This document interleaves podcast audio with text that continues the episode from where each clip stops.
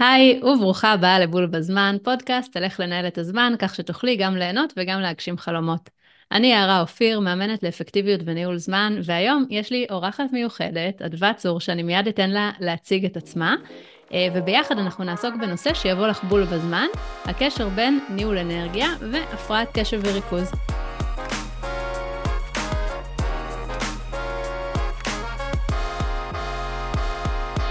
אז אה, היי. היי, מה נשמע?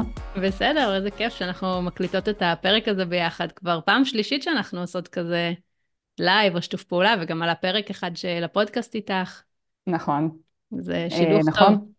שידוך טוב וכיף מאוד, ואני תמיד אומרת שהנושאים שלנו ממש מתחברים. כאילו אנחנו בעצם עוסקות באותם נושאים, אה, כשאני עושה את זה באופן יותר ספציפי לאנשים עם הפרעת קשב, אבל אה, כן, הנושאים שלנו ממש משתלבים. לגמרי. אז ספרי לנו מה את עושה, מי את. אז אני אדווה, אני יועצת קריירה לאנשים עם הפרעת קשב ו-ADHD.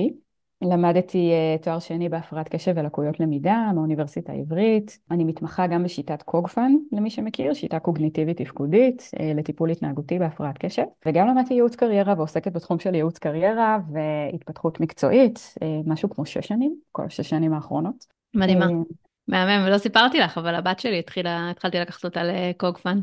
אה, מה כן, שקרה? הקטנה שלי גפן, יש לה גם הפרעת קשב וריכוז, ו- ומצאנו מרפאה בעיסוק ממש טובה שמתעסקת בזה, וזה באמת אה, שיטה מדהימה. נכון. את ממש. כבר רואה את זה?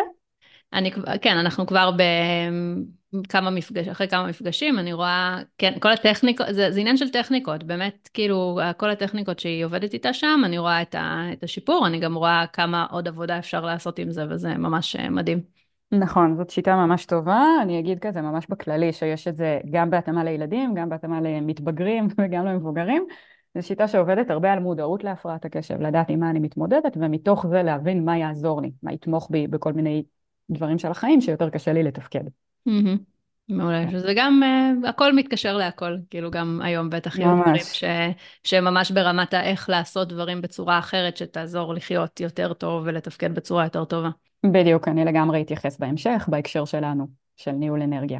מהמם. אז תודה רבה שאת פה. אז אני אתחיל בלספר בכמה מילים, לא, אני לא אאריך בזה יותר מדי, אה, במה זה ניהול אנרגיה מבחינתי, כי יש שני פרקים שלמים של הפודקאסט, ממש על ניהול אנרגיה, זה פרקים 15 ו-16 של העונה הראשונה, כאילו מי שלא האזינה תאזיני, אה, כי שם אני ממש מסבירה את זה מאוד מאוד בפירוט, אבל אני כן רוצה כזה לתת את, ה, את הבסיס של אה, מבחינתי, מה ש...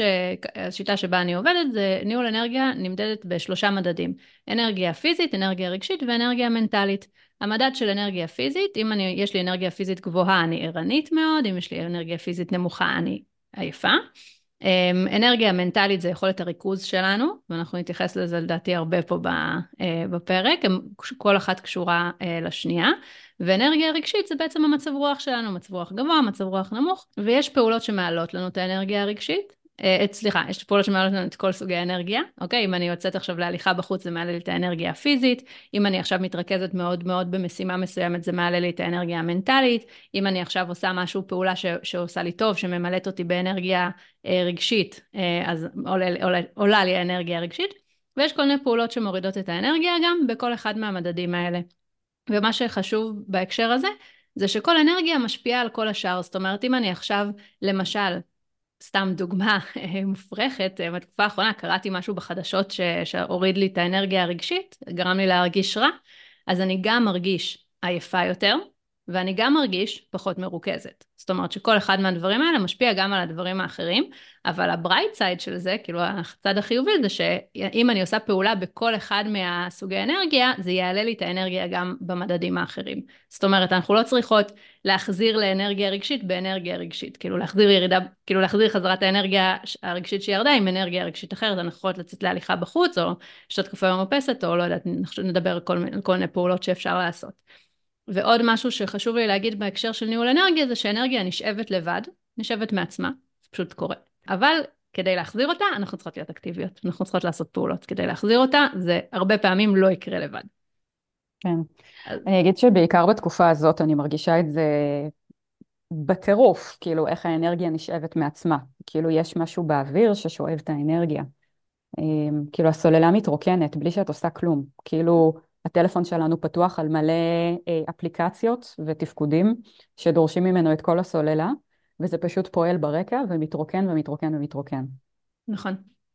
נכון, זאת הסיבה שבאמת בתקופה הזאת אני הוצאתי לפני uh, בערך uh, חודש uh, קורס uh, ספציפית על ניהול אנרגיה, כי הרגשתי שמכל הדברים שאני יכולה ללמד, ניהול משימות ותכנון ו- והרגלים וכל הדברים האלה, ניהול אנרגיה זה משהו שממש ממש חשוב לשים עליו דגש מיוחד בתקופה הזאת, כי זה באמת כל כך משפיע על כל דבר, וכל באמת פיסת חדשות שאנחנו קוראים, או מחשבה שיש לנו, או כל דבר כזה, מוריד לנו את האנרגיה בשניות, ואז זה פשוט מקשה עלינו מאוד מאוד מאוד לתפקד. ואנחנו יוצאות מנקודת הנחה שאנחנו רוצים לתפקד. כן. אנחנו רוצות, כאילו, אנחנו רוצות להיות בתפקוד, אנחנו לא רוצות להיות uh, מתחת למיטה, כאילו מתחת לשמיכה במיטה, כאילו שמיכה מעל הראש, ולא, אנחנו לא רוצות להיות במקום הזה. אז uh, ספרי לנו מהנקודת מבט שלך, על מה זה ניהול אנרגיה.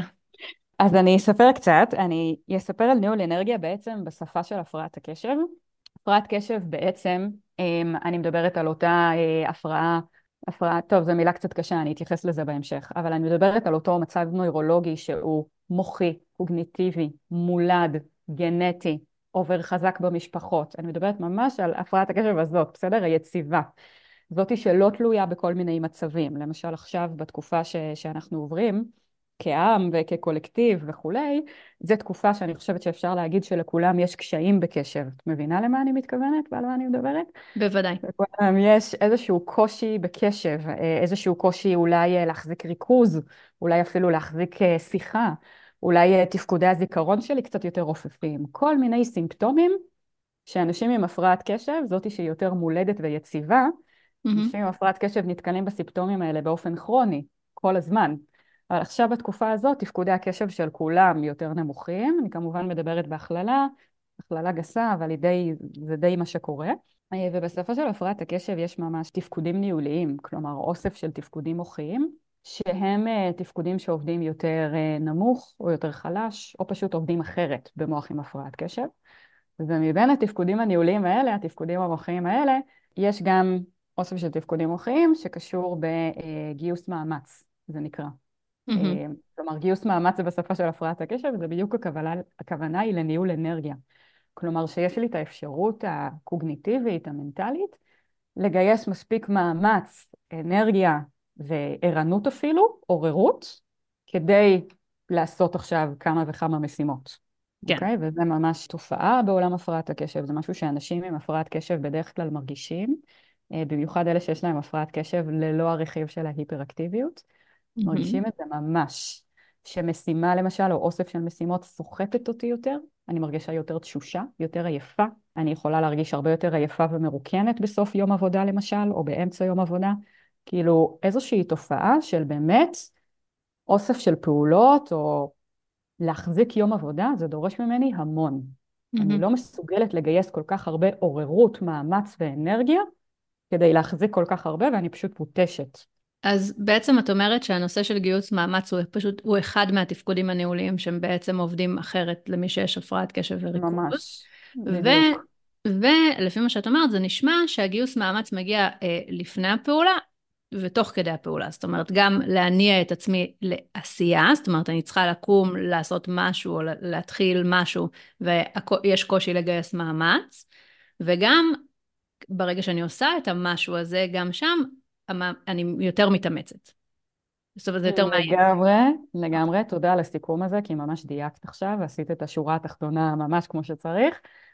אז כן, וגם כאילו הקושי להתחיל, זה קשור גם לעוד תפקוד מוחי, שגם בדרך כלל עובד אחרת בהפרעת קשב, אבל זה גם הקושי להתחיל במשימה, mm-hmm. וזה גם הקושי אה, להחזיק את האנרגיה והעוררות שלי אפילו, והמאמץ שלי לאורך המשימה כולה. וזה בא לידי ביטוי ביתר שאת כשהמשימה היא ארוכה, משעממת, יושבנית, סופר אינטלקטואלית. אה, זה בא לידי ביטוי גם ביתר שאת כשהמשימה לא ברורה לי, או כשלא mm-hmm. ברור לי איפה ההתחלה, האמצע והסוף שלה, אני עוד יותר ארגיש את הקושי שלי לגייס ולשמור את רמת האנרגיה ורמת המאמץ סביב אותה משימה או אוסף של משימות.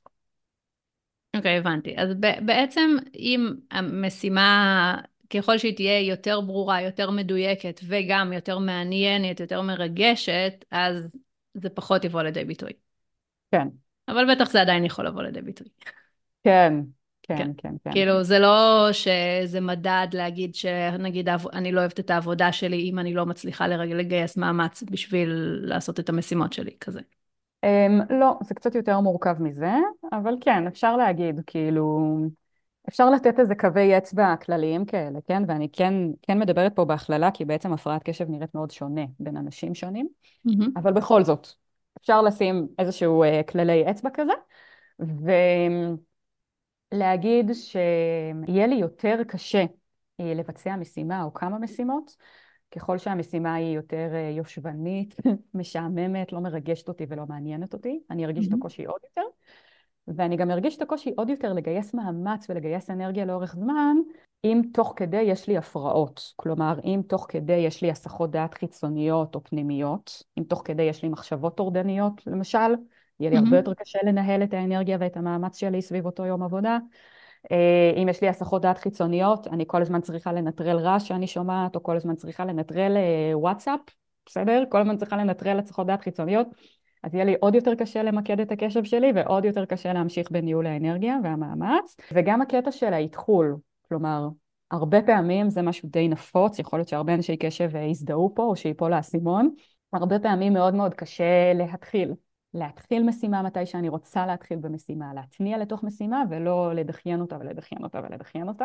Mm-hmm. וככל שהאתחול הזה הוא יותר קשה לי, יותר נמרח לי, לוקח לי יותר זמן ושואב ממני יותר אנרגיה, אז זה גם משפיע על הסך הכללי הזה של ניהול האנרגיה וניהול המאמץ. אז מתוך כל הפעולות, כאילו, כמו שאמרתי קודם, שיש כזה פעולה פיזית, רגשית ומנטלית, דברים שמורידים לנו את האנרגיה, גם עצם הניסיון להתיישב על איזושהי משימה, גם יכול להוריד לנו את האנרגיה, רק, רק זה כשלעצמו.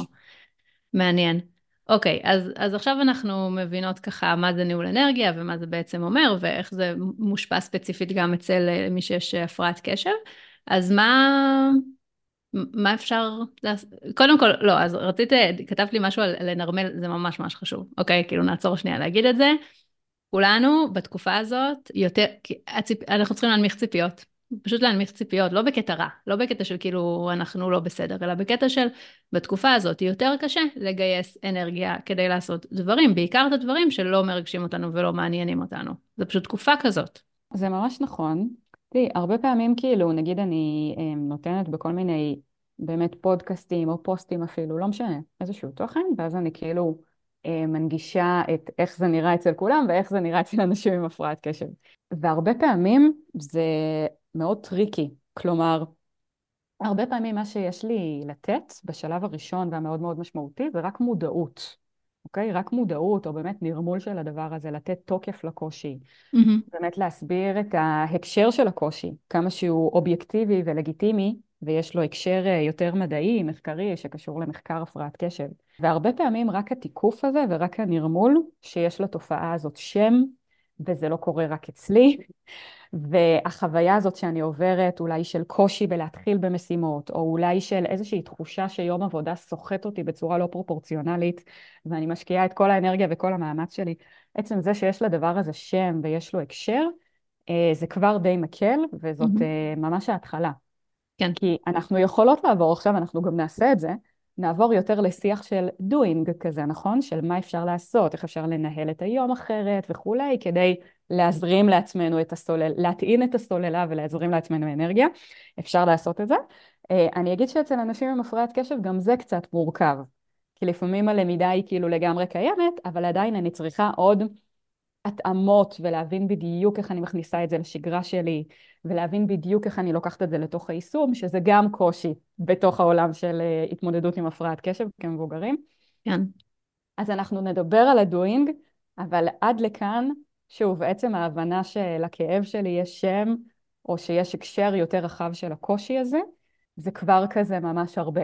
לדעת שאולי, שאולי כלומר, אם יש לי אבחון של הפרעת קשב אז זה די בטוח, ואם לא, אז אולי, אולי אני מתמודדת פה באמת עם משהו שיחסית אה, קשה להתמודד איתו, ואולי אני צריכה לבדוק את זה. כן. כן. בקורס שהעברתי אה, על ניהול אנרגיה, באמת אחד הדברים הראשונים שאמרתי, זה מה שאמרתי גם עכשיו יחסית בתחילת הפרק, ש, שאנרגיות משפיעות אחת על השנייה, ועצם זה שאנחנו כרגע נמצאות בתקופה שהאנרגיה הרגשית מאוד מאוד נמוכה, זה משפיע על הריכוז ומשפיע על, ה, על העייפות שלנו. וברגע שאמרתי את זה, הרגשתי ממש מין כזה... כאילו הקלה אצל מי ששומעת את זה, כי כן, נכון, אני לא סתם קמה בבוקר וקשה לי לעשות את המשימות שלי, אני לא סתם קמה בבוקר ומרגישה עייפה ומותשת למרות שישנתי נגיד טוב בלילה, אם ישנתי טוב בלילה, כאילו זה לא סתם, זה פשוט חלק מהעניין הזה של התקופה הזאת, ואני חושבת שבאמת להבין את המנגנון ש, שככה פועל מאחורי זה ולנרמל את זה, זה דבר מאוד מאוד חשוב, אז שתדעו שזה טבעי וזה הגיוני והכל בסדר. ועכשיו... כן. אפשר לעבור לפרקטיקה של מה בעצם אפשר לעשות כדי אה, להתנהל עם זה יותר טוב. אז מבחינתי אני חילקתי את זה באמת לפעולות פיזיות, פעולות מנטליות ופעולות רגשיות שאפשר לעשות. זאת אומרת, אנחנו יכולות אה, לפעול בכל אחד מה... כל אחת מהחזיתות האלה בעצם, כדי אה, להעלות את האנרגיה. אז קודם כל זה באמת להיות במודעות, בכלל כאילו אני קוראת לזה להסתכל על החיים דרך המשקפיים של ניהול האנרגיה, להיות במודעות שיש לנו פעולות שמעלות לנו את האנרגיה, פעולות שמורדות לנו את האנרגיה, ו- וממש לפעול באופן אקטיבי כדי להעלות את האנרגיה כל הזמן, למלא כל הזמן את החשבון בנק הזה, אני קוראת לזה, של האנרגיה, כל הזמן לתת עוד הפקדות ועוד הפקדות ועוד הפקדות, קטנות, בינוניות וגדולות. אז פעולות פיזיות זה באמת ברמת ה... פעילות גופנית זה דבר מאוד מאוד חשוב אה, בתקופה הזאת ובכלל, אה, גם כזה לפריקת מתח וגם כאילו להעלות את, אה, את מצב הרוח ולהרגיש יותר טוב מבחינה פיזית, אה, לישון יותר טוב כמה שאפשר, ממש לעשות פעולות אה, אקטיביות כדי ללכת לישון מוקדם יותר. אני לא יודעת, כאילו בתחילת המלחמה, כשאורי היה במילואים, אני ממש אה, מאוד מאוד התקשיתי להיכנס למיטה. כאילו מאוד התקשיתי לסיים את היום וללכת לישון. וזה מאוד מאוד השפיע עליי, כי כאילו בנוסף לזה שאני כן. מודאגת והיה לי קשה, אז גם הייתי יותר עייפה. אז כן לעשות את מה שאפשר בשביל אה, ללכת לישון בשעה נורמלית, לא להיכנס למיטה עם הטלפון, זה משהו שאני תמיד אומרת, אה, זה נורא, כאילו להרבה זה קשה ליישם, אבל מאוד מאוד להשתדל שלא הדבר האחרון שתראו לפני השינה זה מסך, ובטח שלא הדבר האחרון שתראו לפני השינה זה חדשות. שזה ממש ממש משפיע על איכות השינה, משפיע לרעה. לנסות לאכול טוב, אה, אוכל בריא, אוכל מזין, כאילו ממש כזה אה, תזונה, תנועה ושינה, אלה דברים שמאוד מאוד כדאי לשמור עליהם ולהקפיד עליהם בתקופה הזאת, כדי להעלות את האנרגיה הפיזית, ופה אפשר באמת כאילו לפרוס מלא מלא פעולות. פעולות אה, רגשיות שאפשר לעשות זה באמת גם לדאוג בצורה אקטיבית שאנחנו ממלאות את הדלי הרגשי שלנו בשיחות עם חברות, דברים שעושים לנו טוב, את התחביבים, זמן משפחתי איכותי, זמן זוגי איכותי, לעשות דברים שבאמת כזה ממלאים אותנו ועושים לנו טוב לקרוא, כל אחת והתחביבים שלה, מה התחביב שלך? את רוקדת, נכון? אה, אני רוקדת, כן. כן. אבל אה, לא רקדתי מתחילת המלחמה באמת, אז אני צריכה לחזור לזה. כן, הרבה, אני חושבת שהרבה כאילו, כש, כשקשה, באמת הדבר הראשון שאנחנו מוותרות עליו זה על עצמנו. כאילו, על, ה, על התחביבים שלנו, על הפנאי שלנו, על דברים שממלאים את הנפש שלנו, ו, ואני חושבת שדווקא המקום שבו אנחנו מוותרים על זה, זה המקום שבו אנחנו צריכים את זה הכי הרבה. כאילו, הכי הרבה אנחנו צריכות את ה... את הלמלא את הדלי הזה, וגם אצלי, אני מאוד מאוד אוהבת לקרוא, ולא הצלחתי להתרכז בקריאה הרבה זמן, כאילו, אחרי שהמלחמה התחילה, ובאיזשהו שלב כן הצלחתי לחזור לזה, זה, זה נגיד התחביב mm. שלי. אז, אה, אז פעולות רגשיות שממלאות, אפילו ברמת הלכתוב אה, וואטסאפ פעם ביום למישהי שככה חברה, או לעשות דברים קטנים כאלה, שכל הזמן מעלים את האנרגיה הרגשית, ופעולות מנטליות, שזה משהו שאני מדברת עליו, זה כל המקצוע שלי. אמ, להתרכז במשימה אחת, זה מעלה את האנרגיה. לעשות רשימת משימות קטנה ולעשות את המשימות אחת אחרי השנייה, לפי הסדר, בצורה כזה זה, ולעשות וי על משימות זה מעלה את האנרגיה המנטלית. והפוך, כל מה שדיברת קודם על הסחות דעת ווואטסאפים וכל הדברים האלה שמפריעים לנו כל הזמן, זה כל הזמן מוריד לנו את האנרגיה המנטלית, זה כל הזמן מעייף אותנו יותר, זה פשוט לא מאפשר לנו להתרכז כמו שצריך, אז להקפיד מאוד מאוד גם על הדבר הזה של לנטרל הסחות דעת, לשים את הטלפון בצד, לכבות התראות, לא צריך להיות, אנחנו לא צריכים להיות זמינים כל הזמן, לא יקרה כלום אם נפספס את ה... אה, הנה, אני אגיד משהו ספציפי לתקופה הזאת, אנחנו לא צריכות כל הזמן להיות מעודכנות בחדשות. אנחנו לא צריכות. כן. אנחנו לא, אין שום, באמת, זה לא עוזר לאף אחד. זה לא עוזר, ל, ל, סליחה, כאילו, לחיילים שנמצאים עכשיו בעזה, או אנשים שאיבדו את הקרובים להם ביותר, שאנחנו נשב ונגלול ynet כל היום. זה לא עוזר, זה לא נותן שום דבר. כן, זה רק מוריד אותנו ומוריד אותנו. כן, זה התנהגות מאוד לא רציונלית, כן. כן.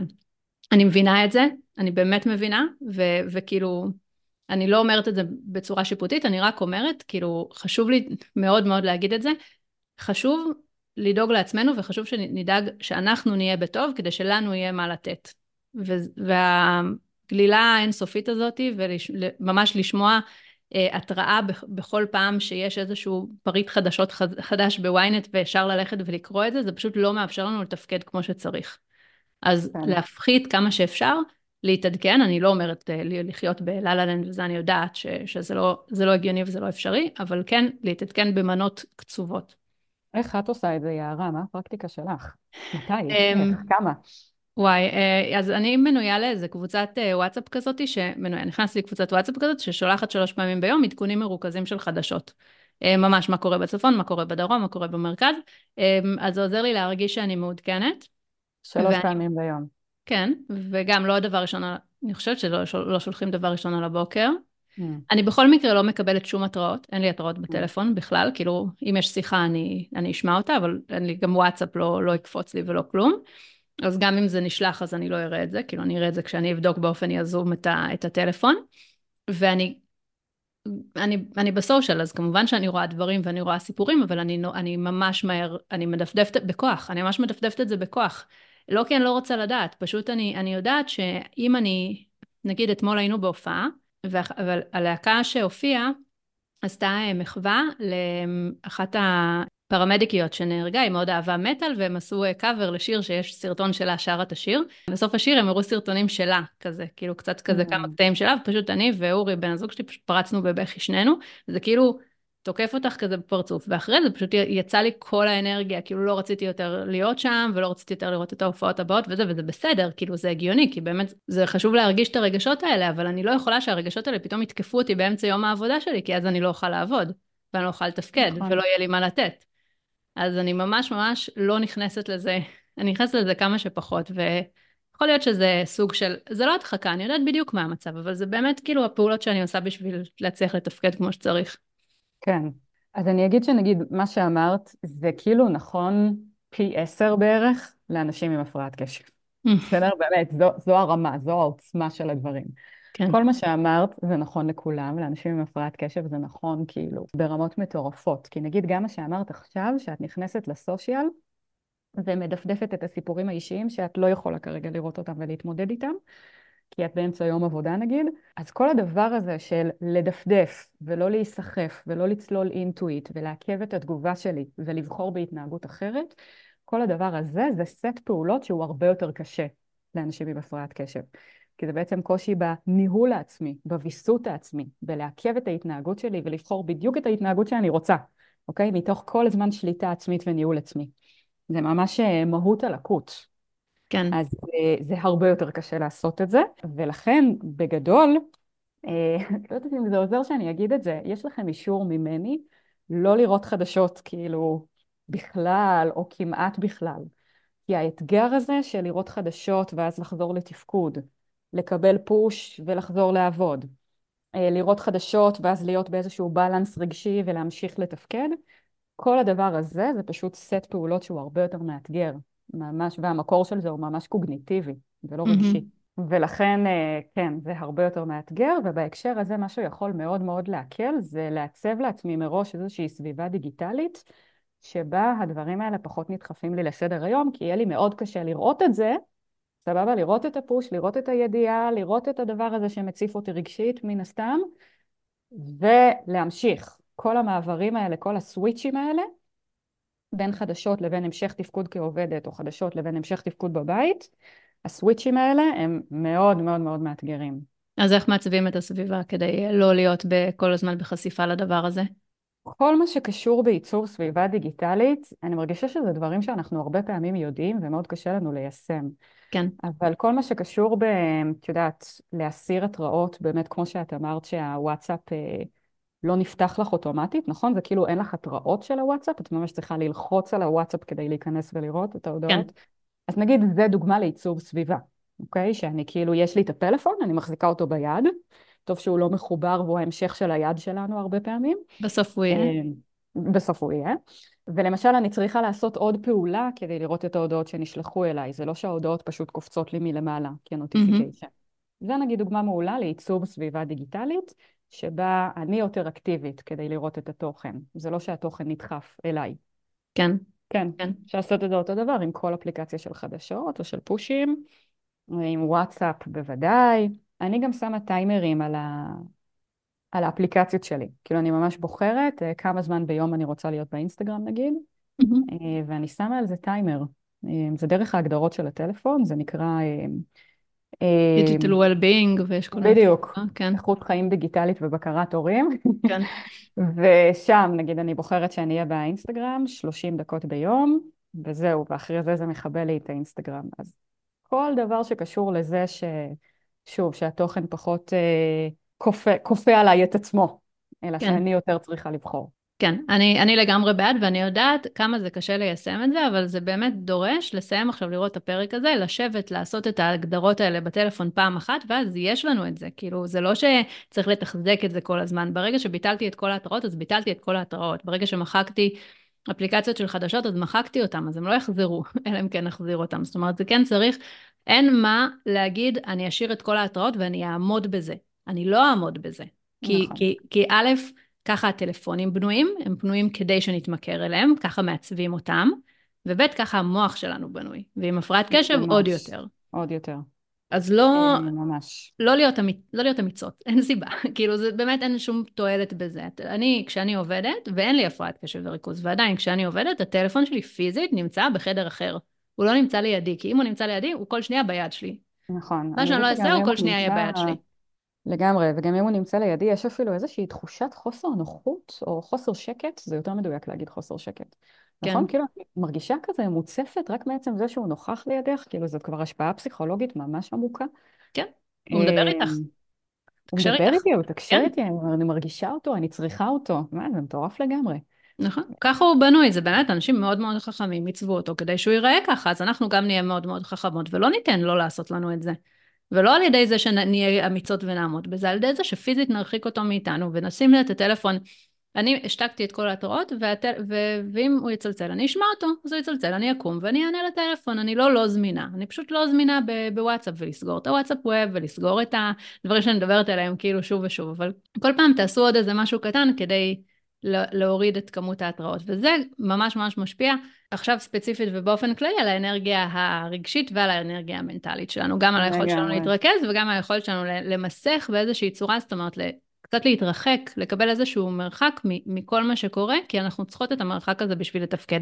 לא רק בעבודה, גם אחר הצהריים מהילדות שלי, אם אני אקבל, אני אנסה לשחק איתם ואז אני אקבל נוטיפיקיישן על איזה משהו רע שקרה, אני לא אהיה שם בשבילם באותה צורה, ואני רוצה להיות, זה חשוב שאני אהיה, מה הן השמות שיש נכון. מלחמה? נכון. אז... אני אגיד שאני גם אה, מעלה על זה תוכן כאילו מלא באינסטגרם שלי, גם יש לי היילייט על זה וגם די הרבה פוסטים. על כל הדבר הזה של צמצום הצריכה הדיגיטלית ושל ייצור סביבה דיגיטלית אה, באופן עוד יותר ספציפי לאנשים עם הפרעת קשב. כמובן שזה נכון לכולם, אני פשוט עושה את הדגשים המיוחדים. אני כמובן אשים אה, קישור לאינסטגרם של אדווה בפרטים של הפרק, אתן אה, ממש ממש ממש מומלץ בחום רב לעקוב.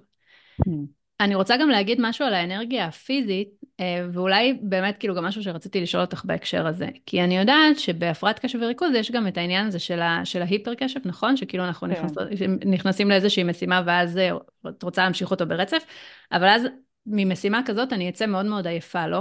כאילו אם אני אשב שעתיים רצוף על איזושהי משימה. אז מה את ממליצה לעשות? את ממליצה לקחת הפסקות? כי אני תמיד אומרת, כאילו, באנרגיה הפיזית, לקום, כאילו, לוודא שכל איזה 40, mm-hmm. בין חצי שעה לשעה, לקום פיזית מהמחשב, לעשות איזה סיבוב בבית. יש לי גם תוכנה במחשב שמזכירה לי לקום כל 40 דקות. אבל מה עם 40 דקות? מה אם זה נופל באמצע שאני מרוכזת במשהו? כאילו, מה, איך אני אמורה כזה לג'נגל את ה... מבינה למה אני מתכוונת? כן. האמת שאין לי כל כך תשובה, כי זה, זה שונה מבן אדם לבן אדם מאוד. כאילו, עכשיו דיברת על זה, וחשבתי על אנשים שאני מלווה שזה היה מתאים להם. הקטע הזה של לקום כל 40-45 דקות, ויש אנשים שלא, שאם כבר התחלתי ועברתי את המשוכה הענקית הזאת של הקושי להתחיל ולהתניע את עצמי מתי ואיך שאני רוצה להתניע לתוך המשימה, אם כבר עברתי את הקושי הענקי הזה, אז כבר זהו, אז דווקא יהיה לי יותר יעיל מבחינת המאמץ והאנרגיה הדרושה דווקא להמשיך, mm-hmm. ולא לעשות לעצמי את ההפסקה ואת הקיטוע הזה. כן. מאוד מאוד מאוד תלוי. אז אה, להכיר, שכל אחד יכיר, כל אחד תכיר את עצמה וככה תדע מה, מה, מה, מה יותר מתאים לה. ממש, וזה מאוד מתחבר לי באופן כללי, אה, לאיזושהי המלצה כללית על הפרק הזה, שבאמת כזה לנהל הפרעת קשב אה, כמבוגרת, זה בדרך כלל דבר מורכב. כאילו, אני רוצה לשים את זה ככה על השולחן כמו שזה. ואני מרגישה ויודעת שיש עדיין איזשהו מיתוס, תגידי לי אם גם את מכירה את זה ופוגשת את זה, שהפרעת קשב זה דבר שהוא אולי בקטנה, ואולי יש את זה לכולם, ואולי זה משפיע בעיקר על לימודים, ואז הרבה פעמים אנשים, את יודעת, מכירה את זה? אני מכירה המון מיתוסים על הפרעת קשב, כן. גם כאילו, מה הבעיה? תתרכז, כאילו, כזה, נכון. את יודעת, מה הבעיה? כאילו, כמו מורות בבית ספר, כאילו, הבת שלי, כשהיא בלי תרופה, מה הבעיה? פשוט, כאילו, אל תפריע. מה זאת אומרת? כאילו, מה הבעיה? בעיה? היא לא יכולה. כאילו, באמת לא יכולה. כן. או כן. הורים שחושבים על הילדים שלהם, אני מדברת פה כאילו על, על ילדים, אז הורים שחושבים על ילדים, מה הבעיה? פשוט שתתארגני בבוקר, א', ב', ג', וזהו, כאילו. לא, זה לא עובד נכון. ככה, המוח לא בנוי בצורה כזאת. וגם על הקטע נכון. שלכולם יש הפרעת קשב וריכוז. נכון שלכולנו קשה להתרכז יותר, בגלל שיש יותר הסחות דעת בעת הזאת מאשר נגיד לפני 20 שנה. זה נכון שלכולנו קשה יותר נכון. להתרכז, אבל זה לא שלכולם יש הפרעת קשב וריכוז. נכון. אז יש המון מסרים חברתיים כאלה. אני שאני עובדת עם מבוגרים, בסדר, זה כאילו, אני מתכוונת גילאי 18 פלוס, כן? פשוט mm-hmm. לא מתבגרים ולא ילדים. אז אני רואה איך המסרים החברתיים האלה מופנמים ומופנמים ומופנמים. והרבה פעמים אני כאילו באמת מאוד מפנימה, ואני אומרת, אה, הפרעת קשב זה באמת בקטנה, אני רק צריכה לנהל את עצמי. למרות שזאת עיקר הבעיה, כאילו, איך אני מנהלת את עצמי עם הפרעת קשב? מה הבעיה? שתעשי רשימת משימות ושבי תעבדי, וזהו, כאילו. כן, או שאני אעשה רשימת משימות, ואז אני אשב ואני אעבוד ואני אהיה כמו כולם. אה, אבל זה לא עובד ככה. כאילו, בדרך כלל צריך להבין עם מה אני מתמודדת. Mm-hmm. למה אני מתנהגת כמו שאני מתנהגת. מה ההקשר הקוגניטיבי של הדבר הזה. אחרת, מה שקורה זה בדרך כלל דאבל טראבל.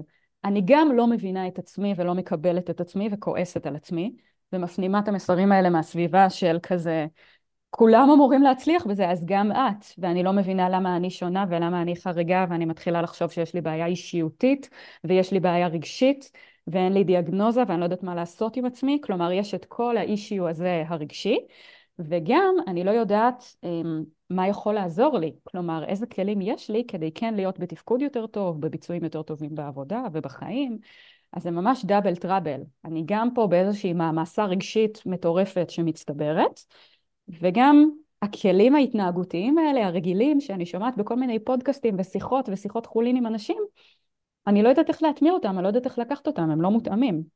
כן. אז גם ברמה ההתנהגותית והפרקטית של החיים, אני לא פותרת לעצמי שום בעיה. ובאמת הדבר הזה של מודעות למה זה הפרעת קשב הזאת שלי, ומה הקשיים שלי, למה אני מתנהגת כמו שאני מתנהגת, ומה אני צריכה כדי לצאת מהלופ, כל העבודת מודעות הזאת היא עבודה מאוד חשובה, והיא גם מאוד מאוד קשורה לנושא הגדול הזה של הפרק, של ניהול אנרגיה. כי כשאני יודעת מה מרוקן לי את הסוללה, ולמה, ומתי, ואיך אני יכולה לתמוך בעצמי כדי להשקיע פחות אנרגיה ומאמץ בדברים, או לנהל את האנרגיה לאורך היום. כשאני שמה על זה פוקוס עם הזווית של הפרעת הקשב, אם אני צריכה, אז uh, אני גם מבינה את עצמי יותר, ואני גם יותר יודעת בתפקוד מה לעשות ואיך לנהל. אז זה ככה כאיזושהי uh, כותרת רחבה, ובהקשר הזה יש באמת uh, טיפולי קוגפן, uh, ותוכניות ליווי שבעצם uh, מלוות, uh, מלוות אנשים עם הפרעת קשב לקראת uh, תפקוד יותר טוב, ביצוע יותר טוב. אה, בהקשר הזה אני רק ממליצה לכם אה, לשים לב שאתם אצל איש מקצוע שעבר הכשרה מסודרת ומקיפה ויודע לתת אה, תוכנית, כלומר משהו שהוא מותאם לאנשים עם הפרעת קשב, אם זאת ה... אם זה הפוקוס. אם כן. זה הפוקוס, בדיוק. כן, כן. Uh, כן, זה ממש ממש חשוב, ובאמת כאילו איך הגע, הגעת לכל זה, זה בזה ששאלתי אותך על העניין עם ההפסקות, ואמרת לי זה, זה תלוי, כאילו זה תלוי וזה אינדיבידואלי, וזה באמת נורא נורא חשוב, שכל אחת כזה תכיר את עצמה ותכיר מה, כאילו אני, אני באמת נותנת ים טיפים, מלא מלא מלא טיפים כל הזמן, ולא כל הטיפים מתאימים לכולם. אה, ניהול זמן זה לא חליפה אחת אה, שמתאימה לכולם, זה לא one size, זה כאילו, זה חליפה מותאמת אישית, וחשוב לקחת את מה שעובד ולא לקחת את מה שלא עובד, או לנסות להבין אם משהו לא עובד, למה הוא לא עובד. אבל אני כן חושבת שהעניין עם האנרגיה הפיזית של כאילו לדאוג לעצמנו להפסקות יזומות, זה כן חשוב. פשוט צריך לחשוב על התזמון של ההפסקות היזומות האלה. כן. כאילו אנחנו צריכות כזה לקום, לקום מהמחשב, להתאוורר, לזוז, ללכת, כאילו לנסות כן לחשוב איך במהלך היום אפשר לעשות את זה בלי שזה באמת יפגע בריכוז שבדיוק הצלחנו איכשהו כזה להיכנס אליו. כן. אז זו נקודה ככה. חשובה. אז מה, תני לי ככה את, ה, את הטיפים שלך, כן. אה, מה כדאי לעשות בהקשר של ניהול אנרגיה. אז אני אגיד שגם, גם, כלומר, הרבה מאוד פעמים הטיפול התרופתי הוא תומך בדבר הזה של ניהול אנרגיה, גיוס מאמץ קצת יותר בקלות, כלומר זה ממש משהו שתומך, והרבה פעמים על הטיפול התרופתי, זה כבר נושא אחר, אבל הרבה פעמים כשמרגישים שהטיפול התרופתי מלא בתופעות לוואי, או לא עוזר, לא תומך בגיוס המאמץ שאני צריכה, לא תומך ביכולות הריכוז שלי, כשאני מרגישה דברים כאלה, שהטיפול התרופתי מלא בתופעות לוואי ולא ממש עוזר, mm-hmm. זה קיום מצוין להבין שכנראה הטיפול התרופתי לא מתאים לי. ואז אני צריכה לשקול אם ללכת עוד פעם לנוירולוג או לפסיכיאטר ולעשות תהליך של התאמה תרופתית. גם כדי להוריד את התופעות לוואי וגם כדי שזה באמת יתמוך נגיד בנושא הזה של אה, גיוס מאמץ וגיוס עוררות ורמת אנרגיה מתאימה לאורך היום. זה דבר ראשון שיכול לתמוך. עוד משהו שכמובן יכול לתמוך זה לשים לב לזמן שאני מבצעה דברים. אוקיי? ממש לשאול את עצמי את השאלה הזאת של באיזה שעות לאורך היממה יותר קל לי להתרכז, יותר קל לי לעשות עבודה עצמאית, יותר קל לי לשבת ולחשוב עם עצמי ולעבוד ולעבוד ולעבוד כשאני עובדת לבד ומנהלת את עצמי. עכשיו יכול להיות שיהיה לי יותר קל לעשות את זה למשל בשעות הערב והלילה, ולפעמים אני לא עושה את זה כי זה לא מקובל חברתית או לא מקובל במקום העבודה שלי, אז צריך לשים לב לזה. בסדר? כי יכול להיות שלמשימות מסוימות בימים מסוימים, אשכרה יהיה לי יותר שווה לעשות משימות מסוימות באמת בשעות הריכוז שלי, שזה הערב והלילה, ולא בשעות הבוקר או בשעות ככה יותר קונבנציונליות, וזה מה שיפחית את המאמץ שלי. אוקיי? רק המודעות לזה, באיזה, באיזה זמן, באיזה שעות של היום, יותר קל לי. כן, ממש ממש חשוב. אה, ב- ב- כאילו, יש אה, מתאם בין אה, מי שיש לו הפרעת קשב וריכוז למישהו טיפוס לילה? אם יש מתאם, אני לא יודעת. כן? לא יודעת, לא קופץ לי איזה משהו שקראתי. אני יכולה להגיד באופן כללי, אבל שוב, כמובן שאצל כל אחד זה שונה, שבדרך כלל בלילה יש פחות את ההסחות החיצוניות, פחות מחפשים אותי בטלפון, פחות מחפשים אותי בוואטסאפ, אולי גם פחות מחפשים אותי בבית. רק mm-hmm. הדבר הזה כבר מנטרל די הרבה מהסטרס ומהמאמץ שאני צריכה להקדיש, כדי לחלק את הקשב שלי, נגיד, בין הדברים השונים. כן. רק הדבר הזה מפחית יחסית הרבה. כן. כן. אוקיי, יש פחות סטרס, אני כאילו באמת יכולה לשקוע בזה, ואני יודעת שאף אחד אחר לא ממש מחפש אותי. אני לא צריכה כן. לנהל כמה חזיתות בו זמנית. אז כנראה בגלל זה, כי באמת הרבה פעמים, כאילו הרבה יצא לי לדבר עם מי שיש לה הפרעת קשב וריכוז, שאומרת, אני לא, כאילו, ב, פתאום בלילה אני מצליחה לעשות את כל מה שלא הצלחתי לעשות במהלך היום, אבל זה כנראה כן. לא בהכרח קשור לטיפוס ערב, טיפוס לילה, יותר לעניין של השקט שיש. ושוב, יש גם אנשים שזה ממש הפוך, שדווקא יגידו שבערב ובלילה הם כבר כאילו תשושים מכל היום, ואין שום סיכוי שהם יכולים לעשות משימה כזאת דווקא בערב ובלילה. כן. אז אני ממש צריכה לה, להפנות לעצמי שנייה את השאלה, על uh, מתי, מתי בדרך כלל באופן יחסי טבעי, אני בכל זאת יותר מרוכזת. כן. מה הטווח הזה? גם אם זה טווח של שעה וחצי, שעתיים ביום, לנסות להשתמש בו כדי לנהל את האנרגיה יותר טוב ולהפחית את המאמץ שאני צריכה להשקיע.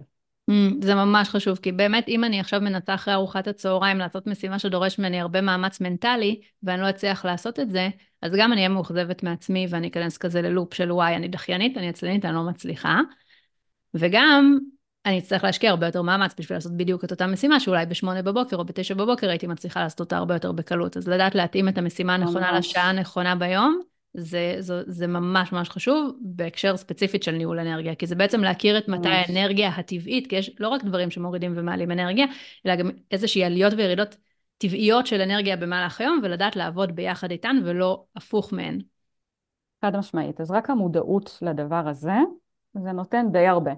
כן. כאילו זה ממש ממש נותן הרבה. לגמרי, אני מדברת אגיד... הרבה, רגע, mm-hmm. אני רק אגיד בהקשר הזה, אני, אני מדברת הרבה עם עצמאיות, ו- ולא רק עצמאיות, אני חושבת שכל, כאילו, זה קלאסי נורא לעבודה, שאנחנו נורא רוצות לעשות וי על מלא מלא משימות דבר ראשון על הבוקר, לחסל את כל המיילים, לחסל את כל, ה, את כל הוואטסאפים, את כל הדברים הקטנים, את כל הזה, כאילו להרגיש תחושה של זה, ודווקא הרבה פעמים מה שקורה זה שאנחנו מבזבזות בזה את השעות הכי טובות שלנו לריכוז, ואז זה גם מעייף אותנו מאוד, פשוט אנחנו מגיעות כאילו ל-12 כזה, אחת נורא עייפות, וגם אנחנו מגיעות ל-12 אחת ואומרות, אוקיי, עכשיו נעבוד על הפרויקט הגדול שלנו, עכשיו נעשה את המשימה הרצינית, עכשיו אנחנו כבר לא מסוגלות. כי גמרנו על עצמנו עם כל המשימות הקטנות, וזאת לא שעה נכונה לעשות את זה. אז לפעמים הדבר הזה זה כזה Game Changer, של פשוט להפוך את הסדר ולעשות את המשימה הכבדה קודם, אם אנחנו טיפוסי בוקר, ממש ממש משמעותי. ממש ככה. אוקיי? אז המודעות הזאת, המודעות כאילו לזמן זה דבר אחד משמעותי שאפשר לשים לב אליו. עוד משהו, אני כזה דיברתי פה לאורך הפרק אה, לסירוגין על הדבר הזה שנקרא איתחול. כן. אה, שאמרתי שזה גם איזשהו תפקוד קוגניטיבי, תפקוד ניהולי, שהוא גם בדרך כלל מאותגר במוח עם הפרעת קשב, כלומר היכולת שלי אה, להתחיל במשימה, אוקיי? להתארגן ולהתאסף מנטלית וקוגניטיבית על מנת אשכרה להתחיל במשימה מתי שאני רוצה, זה גם דורש כמה יכולות מוחיות, וזה גם בדרך כלל מאותגר, ואנשים עם הפרעת קשב באמת אה, חווים את זה כאתגר בחיי היום-יום, אוקיי? לצורך העניין זה נראה כמו דחיינות. כי כן. כל כך קשה לי להתחיל, אני כל כך לא מצליחה להתארגן כדי להתחיל, אז אני דוחה ודוחה ודוחה עד שכבר ממש אין לי ברירה וממש לא נעים לי, ומתוך זה אני עושה, אוקיי? כן. אז האיתחול הזה הוא גם כאילו גובה ממש הרבה אנרגיה, ולצורך העניין, אם אני תומכת באיתחול באיזושהי דרך יצירתית, או אפילו תומכת בו רק פעם בשבוע, רק על הדבר הזה, אני כבר יכולה להפחית לעצמי מאמץ על משימה מסוימת. לתת לכם דוגמה כאילו שזה יהיה הכי, את יודעת, הכי ברור. אה, דוגמה ממישהי שאני מלווה האמת, ודיברנו על זה לא מזמן, שהיא רוצה לתרגל אקסל. בסדר? משימה חשובה, וואלה, יש לה פוטנציאל להיות משעממת ומשמימה שחבל על הזמן, ומאוד קשה לה להתחיל את זה, בסדר? היא יושבת בבית לבד, מאוד קשה לה להגיע למצב שהיא יושבת מול המחשב, ואשכרה פותחת את הקובץ של התרגול, של הקורס, ועושה ועושה. כן. אז היא תומכת באתחול שלה על ידי זה שהיא קובעת עם חברה לקורס. ואז הן נפגשות, מדברות, וכל האתחול והתנעה למשימה נעשה ביחד. בעצם mm-hmm. יש לה תמיכה מאוד משמעותית למתי אני עושה את המשימה ואיך אני מתחילה את המשימה הזאת מתי שאני רוצה. וברגע שהאתחול יותר קל, אז כבר נדרש ממני פחות מאמץ. אני פחות זכותה. אני מתחילה את המשימה ממקום לגמרי אחר. Mm. הרבה יותר גבוה. הבנתי. אז גם הדברים האלה של לדעת מה יעזור לי להתחיל ולבצע מתי שאני רוצה לבצע, זה מאוד תומך בקטע של המאמץ וניהול האנרגיה. אוקיי, okay, אז להבין איזה טכניקה עוזרת לנו להתחיל את ה... כאילו לעשות את האתחול הזה ו- ולהשתמש בזה. כן, זה, כאילו למשל. העיקרון, ה... העיקרון גג. זה העיקרון הכללי, לגמרי. אוקיי, okay, בסדר. אז מה, מה עוד? איזה עוד טכניקות פרקטיות okay. של אנרגיה? חוץ מזה, אה, יש את שיטת פומודורו. מכירה בטח. אני נכון? חולה על שיטת פומודורו. אוקיי, קצת. היה את שיטת פנים, זה באמת אחת הטכניקות האהובות עליי. ספרי איך את עושה את זה נגיד, כי יש כל מיני דרכים לעשות את זה. יש לי במחשב אה, תוסף לכרום, שבאמת אני כותבת איזה משימה אני עושה, ואז אני מפעילה אותו, והוא מודד לי 25 דקות. אצלי הוא לא חוסם כל מיני דברים, אבל יש גם כאלה שגם חוסמים אה, כניסה לכל מיני אתרים של חדשות וסושיאל וכאלה, שאם מישהי כאילו מתקשה עם זה, אז אני ממליצה על אחד מאלה. ואני עובדת על המשימה במשך 25 דקות, ואז אני, זה מצלצל לי, ואז אני לוקחת הפסקה, חמש דקות הפסקה, גם עם טיימר, ואחרי החמש דקות הפסקה, אה, אני חוזרת, ל, אה, אני חוזרת לזה, אני חוזרת. למשימה שלי. ובאמת, כאילו, זה משלב כמה דברים. אחד, שכתוב לי מה אני בדיוק עושה בזמן הזה, זה מאוד קריטי לשיטה. נכון. לדעת מה אני עושה, לא סתם להפעיל טיימר, ו, ולעשות את ההפסקות. וחשוב לי להיות נאמנה, כאילו אם שמתי 25 דקות, אז באמת לקום אחרי 25 דקות, לא לעבוד על עצמי. כי אם אני עובדת על עצמי, אני אדע בפעם הבאה שאני הולכת לעבוד על עצמי, וזה לא יעבוד לי. כן. אתה אני מתכוונת? כן. אז בגדול, אמ, פומדורו זה קצת יותר מורכב, כאילו שוב, יש שונות כזאת, מרגישה שאני קצת חוזרת על עצמי, אבל זה דגש חשוב. אמ, שיש בעצם שונות בין אנשים עם הפרעת קשב, יש כאלה mm-hmm. שזה בדיוק מתאים לשיטת פומדורו, ויש כאלה שממש לא, שדווקא מה שאת עושה יערה, כל הסוויצ'ים האלה בין זמן עבודה לזמן הפסקה, הסוויץ' הזה, על לעשות את השיפט הזה, עבודה, הפסקה, עבודה, הפסקה, השיפט הזה, רק הוא בפני עצמו מאתגר, גוזל אנרגיה, גוזל משאבים, כי זה גם קשור ליכולת קוגניטיבית, בסדר? של shifting, מעבר בין משימות. כן. אמ, אז רק הדבר הזה יכול להיות ממש קשה, ועדיין יש משהו בשיטת פומדורו, אפשר קצת לעשות לה התאמות. שיטת פומדורו היא פשוט ממקדת, בסדר? היא עוזרת לי בניהול הזמן, בהערכה של הזמן, כי יש לי ממש סטופר. כן. אז נגיד היא יכולה להיות נורא רלוונטית אה, בעיניי וממה שאני רואה, דווקא למשימות שהן פחות אינטלקטואליות ויושבניות, למרות שגם אולי, אבל נגיד למשימות שהן יותר פיזיות, כמו לסדר את הבית או לקפל כביסה, שזה משהו שיכול לקחת לי אין סוף זמן ויהיה לי נורא קשה, כאילו יהיה לי נורא קשה לעצור את עצמי, mm-hmm. ואני יכולה להשקיע בזה הרבה יותר זמן ממה שאני רוצה, אז לזה שיטת פומדורו יכולה להיות ממש טובה, שיש לי משימה אחת ברורה, ויש איזשהו מנהל חיצוני שמנהל את הזמן שלי, וכשנגמר הזמן אז אני פחות או יותר עוצרת שם. כן. אוקיי? ואומרת, הקדשתי את הזמן, וזה בעצם עוזר לי לנהל את המאמץ, כאילו להשקיע את האנרגיה ואת הזמן שאני רוצה להשקיע במשימה הזאת, ולא להתפזר ליותר. כן. אז בהקשר הזה שיטת פומדורו יכולה להגדיר אותי ולצמצם אותי ולצמצם את המאמץ שאני משקיעה. הבנתי. כן, אני, האמת שבאמת בכללי טיימר, כאילו זה לא חייב להיות, נכון. פומדורו זה פשוט טיימר של 25 דקות, אבל זה כל טיימר יכול מאוד מאוד, כאילו אם אני, יש לי עכשיו משימה שאני ממש לא רוצה בירוקרטית נגיד, שאני ממש לא רוצה להתעסק איתה, וממש כזה כבר מלא זמן אני דוחה אותה, אז uh, אני בעצם שמה לי טיימר של 25 דקות, ואומרת, עד, כל עוד הטיימר רץ, אני מתעסקת בזה. כשהוא נגמר, מה שאני לא עושה, אני עוזבת. אוקיי, אז דיברנו על פומודורו, מה עוד אפשר לעשות פרקטית כדי uh, ככה להתמודד עם הנושא הזה של ניהול אנרגיה בהקשר של הפרעת קשב? אז בעיקרון, גם כל הנושא הזה של לנהל uh, איזושהי שגרה שהיא יחסית uh, תומכת בי ועוזרת לי לנהל את המאמץ, לנהל את האנרגיה, איזושהי שגרה שיש בה גם תחזוקה עצמית וגם uh, עיסוק בדברים שמטעינים אותי ומחזירים את האנרגיה הביתה, זה גם חתיכת דבר שיכול לתמוך באנרגיה שלי, זאת משימה גדולה לאנשים עם הפרעת קשב, אני יודעת. Um, בהקשר הזה, אני רוצה לתת לכם כאילו את הפרספקטיבה כזה, או את ה vision, להתחיל מצעד אחד קטן, מאיזושהי מטרה קטנה בנושא. מטרה קטנה, ברורה, ספציפית, מוגדרת. Um, למשל, אני אתן כזה דוגמאות. למשל, אולי אם אני נגיד עובדת במשמרות או באיזושהי משרה חלקית, אז לא כל שבוע להתמודד עם אותה סוגיה של אז מתי אני עובדת, איך אני שמה את שעות העבודה שלי על השבוע, איך לסדר את השבוע הבא, אלא לפחות בתקופה כזאת שהיא באמת מאתגרת את הוויסות הרגשי של כולנו, להפוך את הדברים לכמה שיותר דווקא רוטינים וקבועים כדי לחסוך לי, כדי לחסוך mm. את המאמץ המטורף הזה. אוקיי? ולחסוך את החוסר שקט המטורף הזה. דווקא כמה שיותר לנסות שהמשמרות שלי יהיו קבועות ויחזרו על עצמם כל שבוע ושבוע כמה שאני יכולה. אוקיי? כמה שיותר לבחור בימי עבודה קבועים, בשעות קבועות. כמה שיותר לייצר לי הרגלים. Mm-hmm. אם יש לי פגישות קבועות, אם זה פגישות של ספורט או פגישות אה, טיפוליות או אפילו פגישות עם חברים, כמה שיותר שדברים יחזרו על עצמם. שאני לא כל שבוע אשאל את עצמי, אז מתי אני שמה את זה ומתי אני שמה את זה. אוקיי? זה משהו, כאילו כמה שיש לי עוגנים כאלה בלוז, משבצות כאלה של ודאות ודברים שחוזרים על עצמם ואני לא צריכה לנהל את זה, זה גם משהו שבפני עצמו יוצר לי איזושהי שגרה ומפחית עומס, אוקיי? מפחית את העומס שלי לנהל את הדברים של החיים שלי כל שבוע מחדש. כן, פחות החלטות, פחות התלבטויות, פחות גם אפשרות ממש. שדברים לא יקרו, אם אנחנו קובעות אותן באופן קבוע בלו"ז שלנו. בדיוק. כמה שיותר שדברים יחזרו על עצמם, כמה שאני יכולה, אוקיי? Mm-hmm. כמה שבשליטתי. ולגבי אה, שינה ותזונה וספורט, זה כזה שלושה דברים אה, שקשורים לאיכות חיים ולניהול אנרגיה, כאילו, by definition, נכון? זה הכי yeah. כן. קשר ישיר, אנחנו הכי רואים את זה או מבינים את זה בצורה אפילו בלתי אמצעית, mm-hmm. וזה קשה לנהל על זה רוטינה.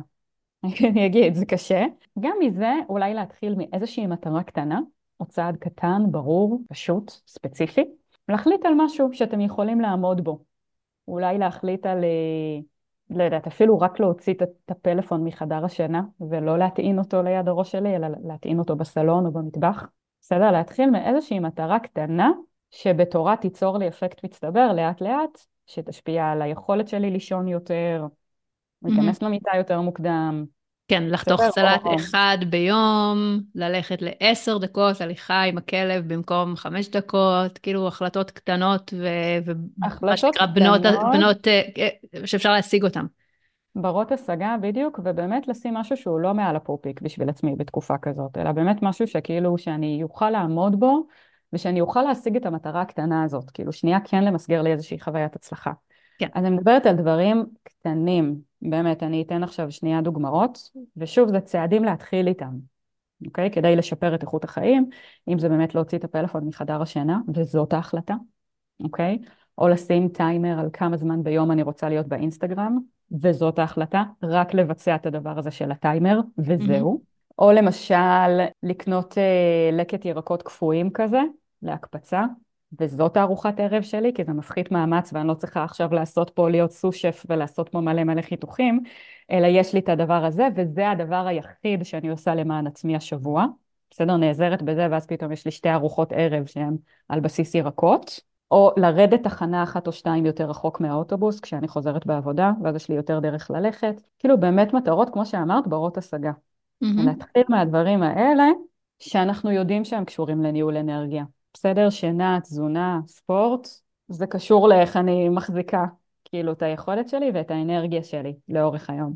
לגמרי, וגם לייצר מחויבות זה דבר מאוד טוב, נגיד אם בתוך הבית, אני, נגיד אני התחלתי לעשות, אה, ללכת לאימונים אישיים ביחד עם, עם אורי אה, פעם בשבוע, ואנחנו שנינו, אנחנו נלך לזה, כאילו זה, אין, אין פה משא ומתן, כי קבענו, כי שילמנו, כי שנינו הולכים ביחד, אז כאילו ליצור דברים שייצרו לנו איזושהי מחויבות, זה גם מאוד מאוד עוזר, לא, לא כמו שדיברנו קודם על הסלולרי, לא להסתמך על כוח הרצון שלנו, אלא ממש ליצור את העזרים החיצוניים האלה שיעזרו לנו לעשות דברים גם בהקשר של ניהול אנרגיה. להגיד לח, לקבוצת חברות שלי, אנחנו פעם בשבוע נפגשות, no matter what, תכתבו ביומן, יום שלישי בשעה שמונה וחצי, נקבע כבר איפה, אבל תמיד תמיד תמיד אנחנו נפגשות. לא להשאיר את זה ל"אם יבוא לי, אם לא יבוא לי, יהיה לי כוח, לא יהיה לי כוח, כי כוח הרצון שלנו הוא לא דבר אמין, ואנחנו לא רוצות להסתמך עליו, וזה בסדר, כאילו פשוט ככה זה, ככה זה עובד, זה לא איזה, זה לא משהו רע, זה פשוט המציאות. אז צריך להתייחס, כאילו, לזכור שזה ככה. נכון, ממש ככה. כאילו, אין לי מה להוסיף, כי בול. זה, זה בגדול מה שיש לי להגיד על אה, ניהול אנרגיה. אז זה מלא. אה, יש כן. הרבה, הרבה באמת פרקטיקה שאמרת, שתינו אמרנו פה בפרק, יש הרבה מה כן. לעשות. נכון. ו- וגם לכל מי שמאזינה לפרק, אז לא עכשיו להגיד, אוקיי, אני אעשה גם את זה וגם את זה וגם את זה, כאילו לקחת את התובנה המרכזית, משהו אחד שבא לך להתחיל, משהו אחד שבא לך להתחיל לנסות מ- מרגע זה, ולעשות אותו, כמו שאמרת עכשיו, אדווה ממש טוב, כאילו, דבר אחד, ורק את זה לעשות. במקום להתחיל לחשוב, אני רוצה לעשות עכשיו עשרה דברים, או עשרים דברים, או מאה דברים, וכשאני חושבת ככה, אז אני לא אעשה אף אחד מהדברים האלה, כי זה גדול וזה מציף, ולא לא להביא את עצמנו למקום הזה. נכון. להגדיר לעצמי מטרה קטנה פר שבוע, שרק היא, רק אותה אני מנסה להשיג, רק על זה אני שמה את הפוקוס. מטרה קטנה, ספציפית, ברורה, שאפשר להשיג אותה, שאני מבינה שיש לה מדד הצלחה ושאני יכולה להצליח בה. כמה שיותר ברור, ועם זה להתחיל במנות קטנות ובצעדים קטנים. כן, ולהרים לעצמנו חשוב. ברגע שהצלחנו. להרים לעצמנו, כל הזמן לחגוג. לחגוג הצלחות זה ממש ממש חשוב, גם על האנרגיה. יפ, לגמרי. כן. מהמם, אז, אה, אז לסיכום, אז זה היה פרק ממש, אה, אני קודם כל, אני תודה לך שהתארחת בפודקאסט ואני ממש ממש שמחה שהקלטנו את הפרק הזה, אני חושבת שזה באמת כל כך חשוב וקריטי מכל כך הרבה בחינות שככה לפתוח את הנושא הזה ולדבר על הנושא הזה ואני ממש אה, אוהבת תמיד לדבר איתך ולשמוע את הפרספקטיבה המאוד מאוד מקצועית ומנוסה שלך, אז תודה רבה לך. בפרק הזה דיברנו על, אה, על ניהול אנרגיה, על ניהול אנרגיה בהקשר של הפרעת קשב, וגם דיברנו על זה מבחינה כזה, הגדרנו ואמרנו איך זה נראה ו- ו- וגם מה עושים עם זה ואיזה פעולות פרקטיות אפשר לעשות כדי להיות באנרגיה יותר גבוהה, כדי להיות במצב יותר טוב, לתפקד יותר טוב, ליהנות יותר מהחיים, גם בתקופה הזאתי. עוד מה שאת רוצה להוסיף, שאני ככה אומרת את המשפט סיכום. רק שהיה כיף ממש, כרגיל. פשוט לדבר על הנושאים שמשותפים לשתינו, כאילו ששתינו מדברות על זה בערך אותו דבר, אולי בשפה קצת אחרת, אבל uh, זה פשוט מדהים כמה כזה אנחנו מתממשקות ומתחברות וזה תמיד כיף. איזה כיף, תודה רבה. אז uh, לכל מי שמאזינה, אם אהבת את הפרק, אנחנו ממש ממש נשמח שתשתפי אותו, תשלחי אותו לחברות, תשלחי אותו לחברים, לכל מי שאת חושבת שיכול או יכולה ככה להתערם מהתכנים האלה, אז אנחנו ממש ממש נעריך את זה ותעזרי לנו כזה להפיץ את הבשורה. ותודה רבה שהאזנתן, ואנחנו נשתמע בפרקים הבאים.